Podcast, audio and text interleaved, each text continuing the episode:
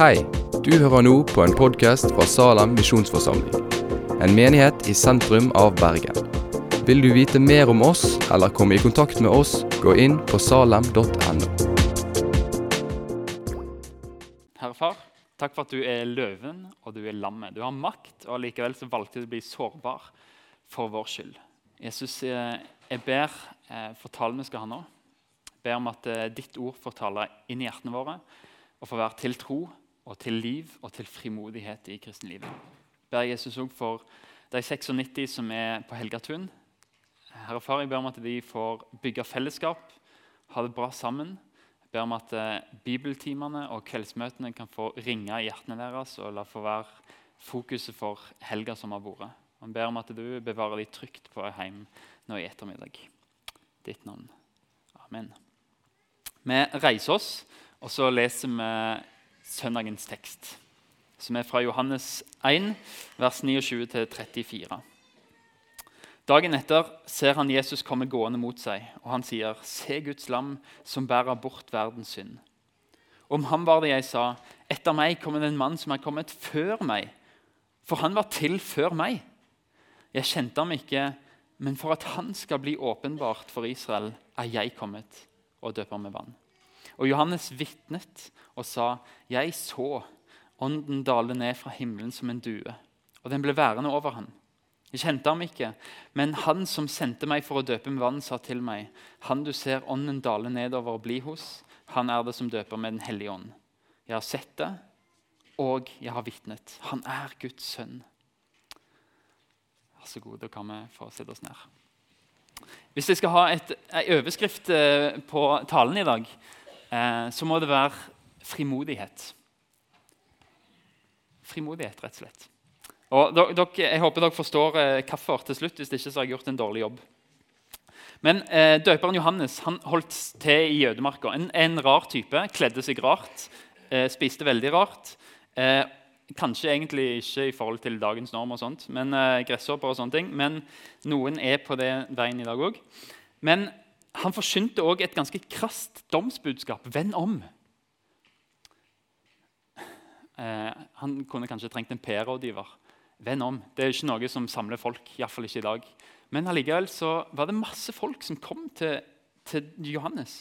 Han ble en populær forkynner. De kom i hopetall ut for å høre han og lot seg døype av han. Han fikk med seg, Til og med disipler fikk han der ute. Folk reiste ut for å være med Johannes og følge han.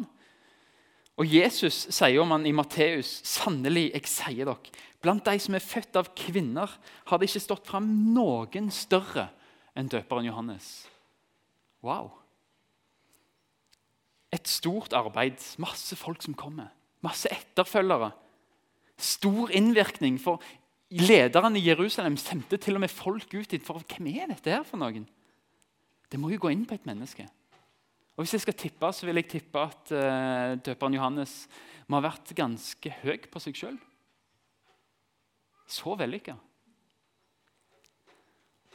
Men der gjør kildene meg veldig feil.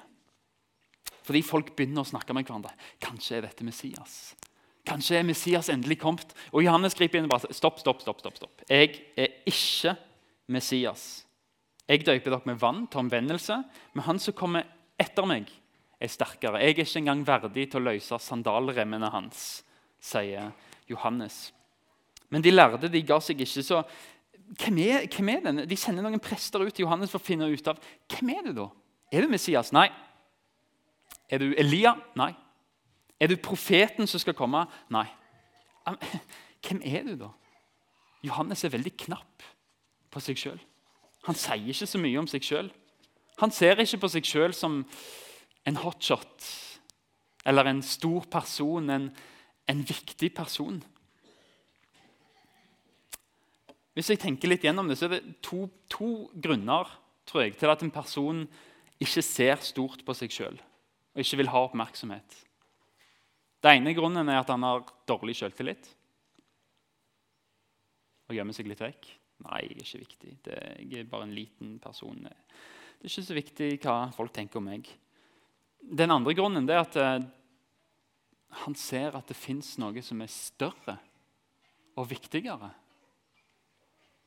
Og Hvis du ser på Johannes, så er det ikke selvtilliten hans som er dårlig. For han står der. Han forkynner for folk. Han sier til og med til kongen liksom, du må vende om, fordi du er sammen med ei som ikke er kona di. Til den mektigste mannen i riket. Han formaner folk. Det er ikke selvtilliten til Johannes som svikter. Men det er en grunn til at han ikke ser stort på seg sjøl. Det er en grunn til at han greier å ha begge beina planta på bakken og være ydmyk. Og det er at han ser en som er større. Han ser noe som er viktigere enn seg sjøl. Og det der Johannes vil ha vårt blikk òg. Se. Og så peker han på Jesus. Se. Å ta av sandalene på noen det var det mest nedverdigende du kunne gjøre. I Israel så var det faktisk ikke lov til å gi en hebraisk slave den jobben. Hvis du hadde en jødisk slave, så kunne du ikke si til den personen du skal ta av sandalene mine. For det var faktisk så nedverdigende at det ikke var lov. Ikke engang en rabbiner eller en konge hadde lov til det. Og Så sier døperen Johannes jeg er ikke engang verdig til, til å ta av sandalene til denne Jesus. Ikke det engang er jeg verdig. Johannes er vag om seg sjøl, men når det kommer til Jesus, så er han ikke vag. Ikke i det hele tatt. Han er klokkeklar. Han sier om Jesus, eller han sier om seg sjøl jeg, jeg, er en røst som roper i ødemarken, rydd Herrens vei. Og Da siterer han Jesaja 40 i Gamle Testamentet, og så sier han jevn ut en vei i ødemarken for vår Gud. fortsetter det verset. Så det Johannes sier, at jeg bare, jeg bare peker på han. Jeg. Han er Gud.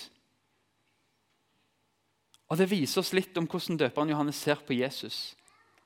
Han er så høy at jeg, jeg, sliter med å forholde meg til denne Jesus. Jeg vet ikke om jeg er verdig engang til å løse sandalremmen hans. Han er den høyeste. Og jeg, jeg døperen Johannes, han som Jesus sier er den største blant mennesker, til og med han blir liten, bitte liten i forhold. Og Johannes sier ja, her er det faktisk en som er før meg, sier han om Jesus. Og vi vet at Døperen Johannes og Jesus de var i slekt, og døperen Johannes var eldre enn Jesus. Allikevel så sier han nei, han er før meg.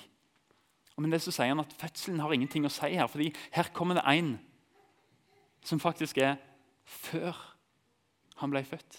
Han peker på Jesu det vi kaller preeksistent eksistens. Han levde før han ble født. Og Vi leste det i Kolosserbrevet. Han er bildet av Guds herlighet. Han er Gud. Han var der og skapte verden. Verden er skapt av Jesus, til Jesus og for Jesus. Han er før meg. Og Johannes viser at jeg er ingenting. Men se, se på han som kommer. Her kommer Gud. Han som har skapt universet, universets herre. Han som har skapt meg. Jeg er ingenting. Og Det viser oss litt om hvordan Johannes kan gjøre så store ting som han gjør.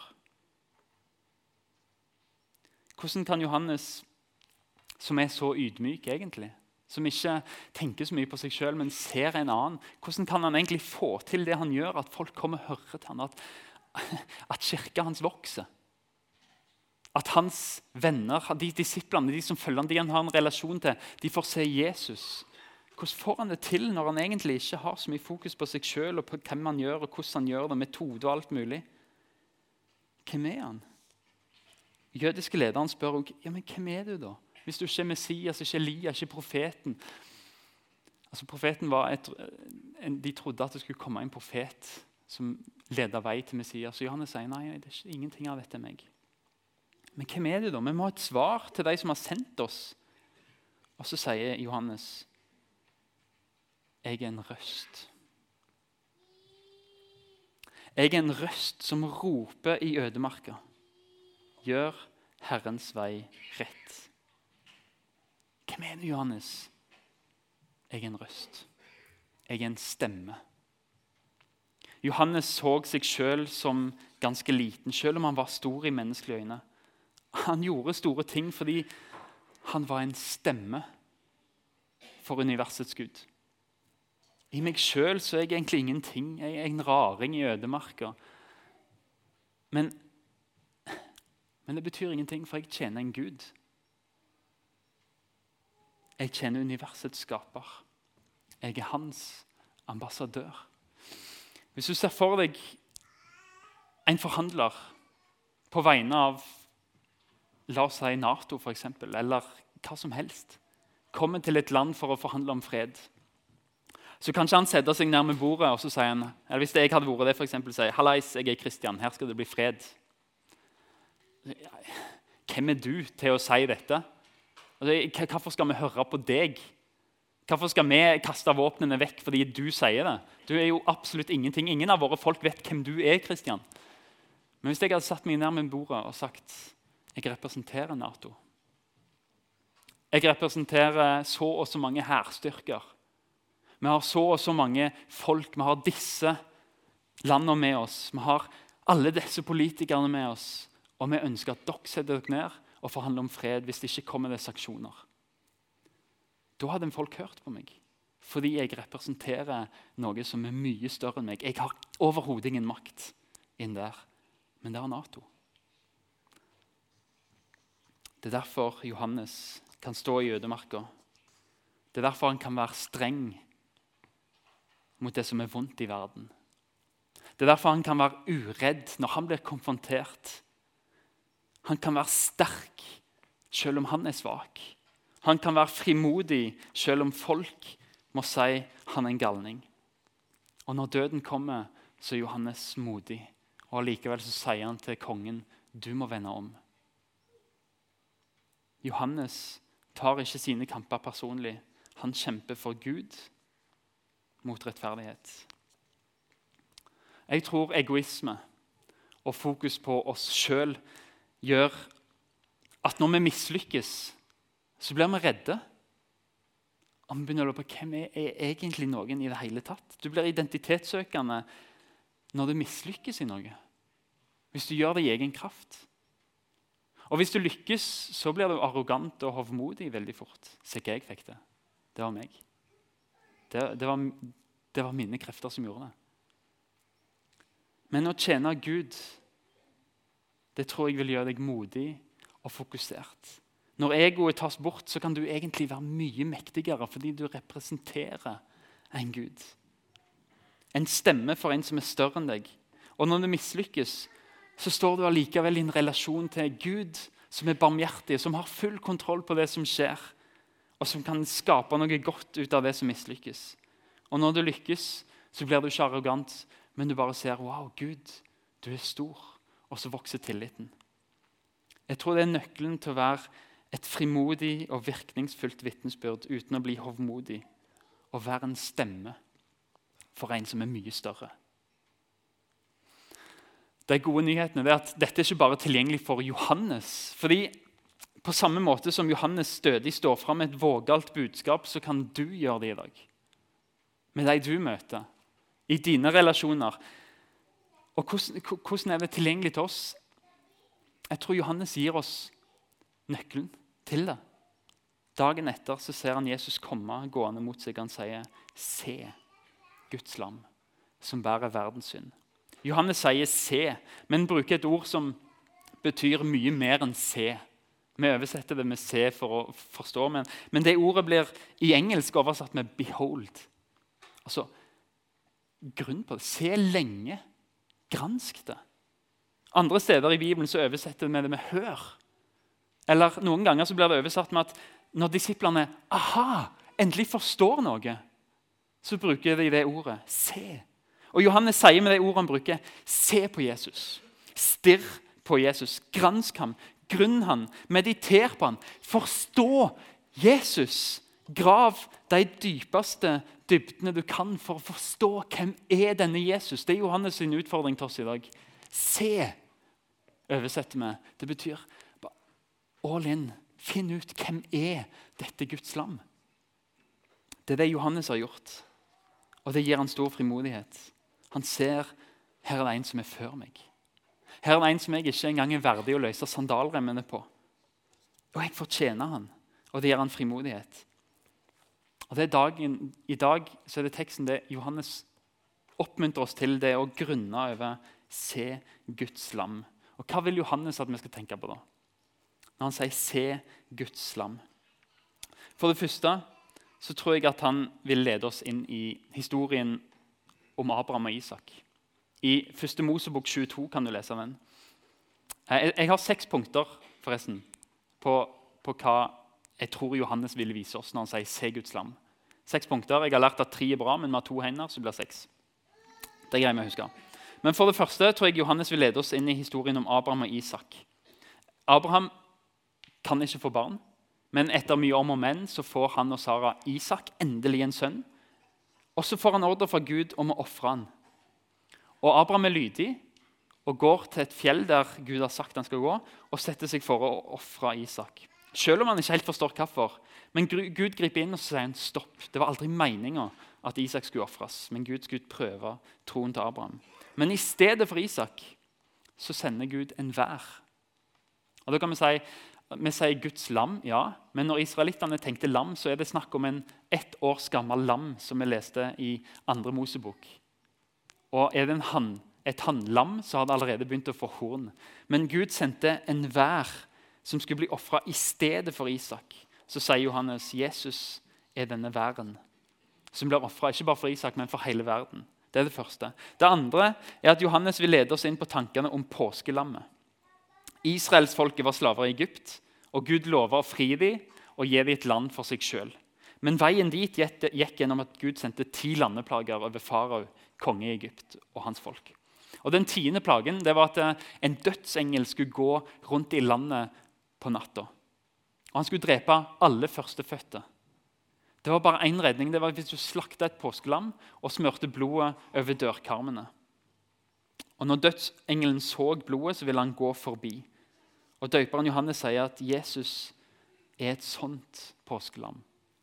Der døden må gå forbi fordi Jesus har en frelsende virkning for syndere. Guds førstefødte dør sånn at vi skal slippe det. Paulus er helt på linje med Johannes når han sier at vårt påskelam er slakta. Det er Kristus. For det tredje så tror jeg Johannes vil peke på den store forsoningsdagen. En stor høytidsdag i Israel der ble, de feira tilgivelsen, rett og slett. Denne dagen ble det brukt to værer som soning for synd. Den ene slakta de, og presten gikk inn til alteret og skvetta blodet på paktkista der loven lå, sånn at eh, loven ble på en måte dekka av blodet. Sånn at Gud ser ikke lenger hva de er tiltalt for, men ser bare blodet. Den andre syndebukken eh, den andre, det var syndebukken. Det er der vi har det uttrykket for. Der tok presten og bekjente alle syndene til folket over lammet. Og så sendte han det ut i ødemarka. En hver som blir slakta, som viser at det skjer en soning. Og en hver som tar bort synden for å vise tilgivelsen. Jesus er begge disse værene. For det fjerde så tror jeg vi må tenke på profetiene om Herrens tjener i profeten Jesaja. Der er det mange tekster som vi kjenner som sangene om Herrens tjener. Og I Jesaja 53 så står det at denne tjeneren skal være lik et lam, lik en sau som føres bort for å slaktes og blir knust for våre misgjerninger. Johannes peker på Jesus og sier han, dette er oppfyllelsen av den profetien. Han bærer verdens synd på seg.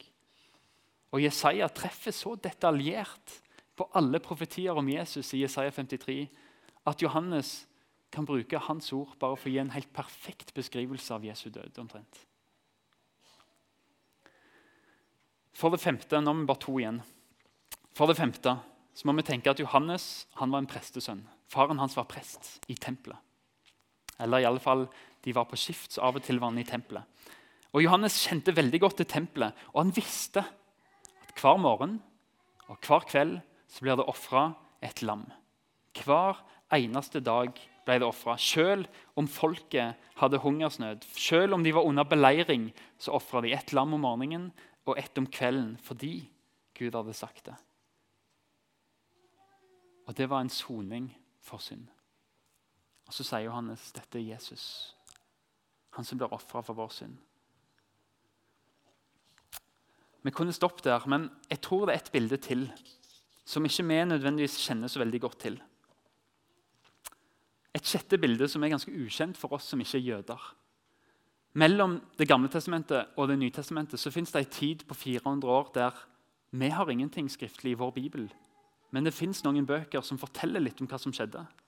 Og Der er det noen bøker som heter Makaberbøkene, som forteller om frigjøringskampen til jødene som var under gresk herredømme, og der de kjempa for frihet og rett til å utøve sin religion. Og Der var det en som heter Judas Makabeus, som starta opprøret, som kalles Makaberopprøret. Og I den kampen så brukte de lam som et symbol for seierherre.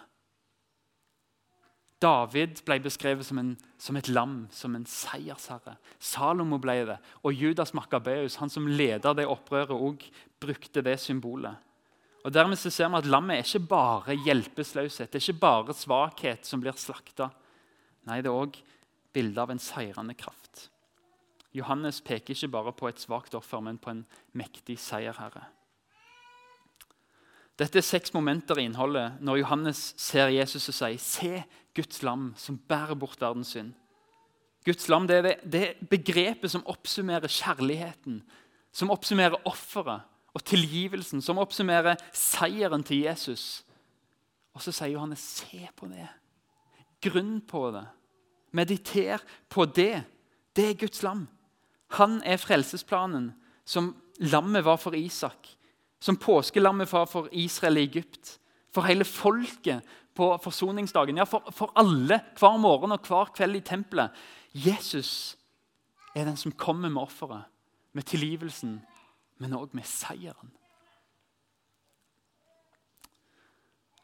En gang for veldig lenge siden, så satt jeg, før jeg begynte å jobbe i Salem, så satt jeg helt bak der, ca. der Paul Reidar OD sitter nå og smiler. Jeg hørte på en tale av Paul Reidar som sto her. Vi har bytta plass i dag. Det er mange år siden. Det kan være ni år siden, kanskje. Paul Reidar ga meg et bilde som har oppklart veldig mye for meg. For Han snakka om, om, Guds tilgivelse. Og det er det vi ser når Johannes snakker om Guds lam. Paul Reidar tok et bilde og sa hvis du har et kamera, og låner, hvis, hvis noen låner kameraet mitt, så tar de kameraet og så bare bang i bakken. Eller mister det i bakken. Uflaks eller med vilje, vet ikke jeg. Uansett så ødelegger de kameraet mitt. Og Så kommer de til meg og sier Kristian, eh, jeg har ødelagt kameraet ditt. Hvis jeg sier ja, jeg tilgir deg, det er greit. Men jeg sier men du må betale for kameraet. Det, det, er ganske rettferdig at folk må betale for det de har ødelagt. egentlig. Men det er ikke tilgivelse. Tilgivelse er hvis jeg hadde sagt det er greit at du ødela kameraet. Ikke tenk på det. Jeg skal ta det. Jeg skal betale det. Jeg skal kjøpe nytt for mine egne penger. Du er helt fri. Det er jo helt greit. Og Det er det samme Gud gjør når han sier Jesus. Det er ikke noe sånt at ja, det er greit, men du må betale for synden din. Nei, han sier det er greit, jeg tilgir deg. Jeg skal sjøl ta straffen. Og Det er det Jesus gjør når han velger å komme ned og bli Guds lam. Døperen Johannes var en stor og viktig person. Men han så ikke stort på seg sjøl. Det var fordi han hadde fokus en annen plass. Han hadde fokus på Jesus. Det var det som ga han kraft til tjenesten. Han grunna på Jesus. Hvem kan dette være? Ja, det er Guds lam. Han er før meg. Han er universets herre. Det var det som ga han kraft til tjenesten. Han var den største i Guds rike. Men jeg leste ikke hele verset til dere, for Jesus har mer å si om Johannes. Jesus sier, 'Sannelig, sannelig, jeg sier dere, blant dem som er født av kvinner, har det ikke stått fram noen større enn døperen Johannes.' Men den minste i himmelriket er større enn han. Det er til oss. Johannes var stor og hadde en kraftig gjerning. Han hadde et kraftig budskap fordi han så Guds storhet. Og han så at Jesus var Gud helt fra starten. Og Så stilte han seg inn under og sa han, jeg er bare en stemme. Jeg er ikke det viktige. Det er han. Jeg er bare en stemme for Gud. Jeg, jeg er ikke fullt av kunnskap og intelligens, men jeg er fullt av entusiasme over å få tjene Han og få være hans ambassadør og fredsforhandler. Men vi som ser Jesus nå Johannes var stor. Men vi vet mer enn Johannes. Vi ser Jesus nå. Johannes så blyanttegninger, noe fra Det gamle testamentet, og litt av kanskje hva Jesus hadde sagt mens han gikk rundt. Men, men vi ser mer. Vi ser Jesus korsfesta for oss. Og ikke bare det, Vi ser at Jesus sto opp fra de døde og viser at han har makt over døden og gir oss et håp, ikke bare om å bli tilgitt for våre synder, men at en gang skal vi òg stå opp fra de døde. Og vi ser slutten i Johannes' åpenbaring, som bruker Guds lam-begrepet 29 ganger, som en seiersherre. Så ser vi at dette Guds lam det ikke bare blir slakta. Det dør, men det står opp igjen, og det regjerer som konge. Det er løven av Juda og lammet som blir slakta, i én og samme setning i åpenbaringen. Vi ser mye mer enn Johannes. Vi ser et lam som seirer over ondskap og mørke. Og det gir oss glede, og det gir oss storhet. Mer enn Johannes. Vi kan, gjøre, vi kan være mer frimodige enn Johannes, fordi vi vet at døden en gang vil ikke stoppe troen. Det gjør at vi kan være mer ydmyke. Vi ser at ja, jeg trenger tilgivelsen. Jeg trenger at Jesus er Guds lam. Men det gjør oss òg mer frimodige når vi ser at Guds lam er seiersherren. Han er ikke bare lammet som dør. Han er det som seirer over døden og står opp igjen. Paulus skriver Kristus er vår frimodighet. Vi har så lett for å si la deg bli inspirert av Jesus. Se hvor, hvordan han gjorde ting, og så gjør ting på samme måte. Nei, Paulus skriver ikke, ikke, ikke det er inspirasjonen. Han sier nei, Jesus er din frimodighet. Ikke at han er et bilde på din frimodighet. Han er frimodigheten din. Det Jesus har gjort, det er vår frimodighet. Vi får være de som setter oss ned med bordet og sier nå vil vi ha våpenhvile fordi jeg representerer en som er mye større enn oss. Sånn kan vi òg vitne. Vi trenger ikke være perfekte. Du kan være en far som kjenner at åh, jeg er den minste i Guds rike. Men du kan frimodig få lov til å sette deg ned på sengekanten med gutten din eller jenta di og si du, dette med tro og sånt, jeg synes det er vanskelig, men vi har en veldig stor Gud. Vi kan be til Han. Det som du syns er vanskelig, vi går til Jesus med det. Jeg kan ikke fikse det, men, men vi går til Jesus sammen. Og Det kan gjelde vitnesbyrd, det kan gjelde relasjoner, hva som helst. Se på Jesus. Grunn på han. Mediter på han. Det skaper frimodighet, det skaper tillit. Det skaper et vitnesbyrd som ikke er nødvendig, altså ikke er avhengig av hvordan jeg er, hva jeg sier, hva jeg gjør, men som peker på en annen. Jeg vet at jeg ikke er perfekt, men, men jeg, jeg, tjener en som er så utrolig uendelig mye mer perfekt. Jeg, jeg, vet at jeg ikke alltid er kjærlighet, jeg ikke alltid har møtt deg sånn som jeg burde, men det er en som, som gjør det. Vil du ikke gå til han? Johannes sa, 'Se der Guds lam'. Og Disiplene hans forlot han. Det kosta nok mye for Johannes, men de forlot han, og så gikk de til Jesus. Og Jesus sa ikke 'se der, se der, se der'. se der. Jesus sa 'kom og se'. Det er forskjellen på oss og Jesus. Vi kan si 'se der er Jesus'. Og Hvis vi lykkes i å vende blikket deres på en som elsker fullstendig og fullkomment og perfekt, så kan han si 'ja, kom her'. Altså Det er der vår frimodighet skal ligge, ikke at vi er perfekte og får til alt men at han er perfekt. Du kan være en stemme, du kan være en pekefinger. La Guds storhet få snakke gjennom deg.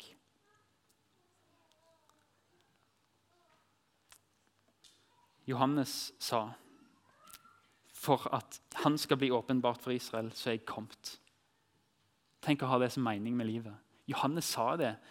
Min mening med livet er at jeg skal, jeg skal fortelle om Jesus, sånn at han kan bli åpenbart for Israel. Derfor er jeg kommet. Der har du mål med livet. Han vitna om det han hadde sett en stor Gud gjøre av seg. Det var derfor han var kommet. Hvorfor er du på jord? Hva er det du har sett?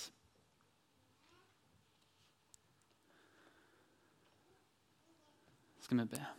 Herre Far. Vi ber om at eh, det som er fra deg i dag, kan få skape liv i hjertet, få skape tro, skape et forvandla sinn. Vi ber Jesus og Helligånd om at eh, du bruker budskapet til å gi hver enkelt her inne særbehandling. Brenn fast i hjertene det du har for hver enkelt. Vi er så forskjellige. Vi har så forskjellige kontaktpunkter med andre mennesker. Og vi er noen er ydmyke, noen trenger kanskje å bli jekka ned, noen trenger å bli jekka opp. Jeg syns du kjenner hver og en av oss. Vi vil være en menighet som ikke peker på oss sjøl. Vi vil peke på deg, Jesus. Gi oss kraft og styrke. Vær for frimodighet. La oss få se at vi er dine representanter. Amen.